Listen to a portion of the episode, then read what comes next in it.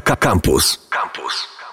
Cześć, Monika Kita, zapraszam na Ekocykl. Dziś skupimy się na przyrodzie, a dokładnie na zwierzętach, zarówno tych dzikich, jak i domowych, które mogą potrzebować naszej pomocy. Kiedy i w jakich sytuacjach? Przygotowałam dla Was wskazówki, jak postępować z rannym zwierzęciem. Tak więc, co robić w przypadku potrącenia zwierzęcia lub gdy widzimy ranne zwierzę na drodze? Po pierwsze i najważniejsze, mamy obowiązek udzielenia lub wezwania pomocy. Wynika to także z przepisów prawnych, a dokładnie z artykułu 25 ustawy o ochronie zwierząt. Za zostawienie rannego zwierzęcia przy drodze albo ucieczkę z miejsca zdarzenia grozi kara aresztu lub grzywny nawet do 5 tysięcy złotych. To także jest zapis ustawy o ochronie zwierząt. Jeżeli ranne zwierzę znajduje się przy drodze albo zostało przez nas potrącone, trzeba przede wszystkim zabezpieczyć miejsce zdarzenia, czyli włączyć światła awaryjne, rozstawić trójkąt ostrzegawczy i najlepiej założyć kamizelkę odblaskową. Kogo powiadomić w takiej sytuacji? Należy przede wszystkim zadzwonić na numer alarmowy 112 lub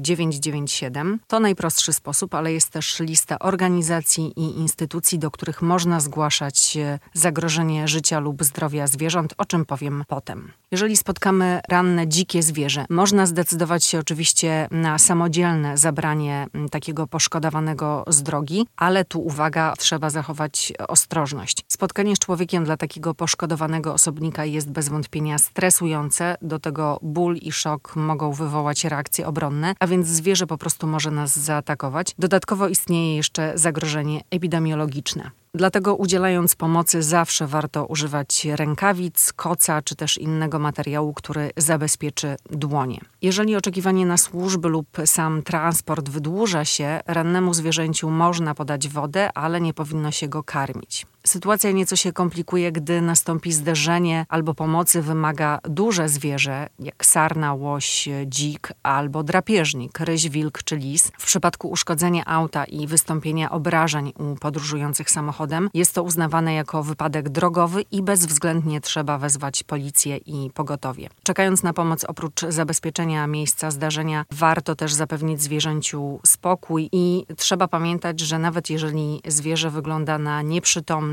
nie porusza się, nadal może nas zaatakować lub wyrządzić krzywdę kończynami czy porożem. Jeśli pomocy wymaga zwierzę udomowione, sprawa wydaje się trochę łatwiejsza, bo możemy sami zabrać rannego psa lub kota do najbliższej kliniki weterynaryjnej albo skontaktować się z organizacją zajmującą się pomocą zwierzętom domowym. Na stronie www.safeanimal.eu znajduje się Międzynarodowa Baza Zwierząt. Tam można znaleźć organizację prozwierzęcą. Zgodnie z ustawą o ochronie zwierząt, to właśnie gmina ma obowiązek opieki nad wszystkimi zwierzętami na swoim terenie, zarówno tymi domowymi, jak i dzikimi. Dotyczy to zarówno pomocy weterynaryjnej i zapewnienia schronienia. Każda gmina i każde miasto mają obowiązek posiadania podpisanej umowy z lekarzem weterynarii, który udzieli pomocy zwierzęciu całodobowo. A jak jest w praktyce? Podróżując i spotykając ranne zwierzęta po drodze, trudno jest czasem określić, w jakiej aktualnie gminie się znajdujemy. Zawsze można zadzwonić pod numer alarmowy 112 lub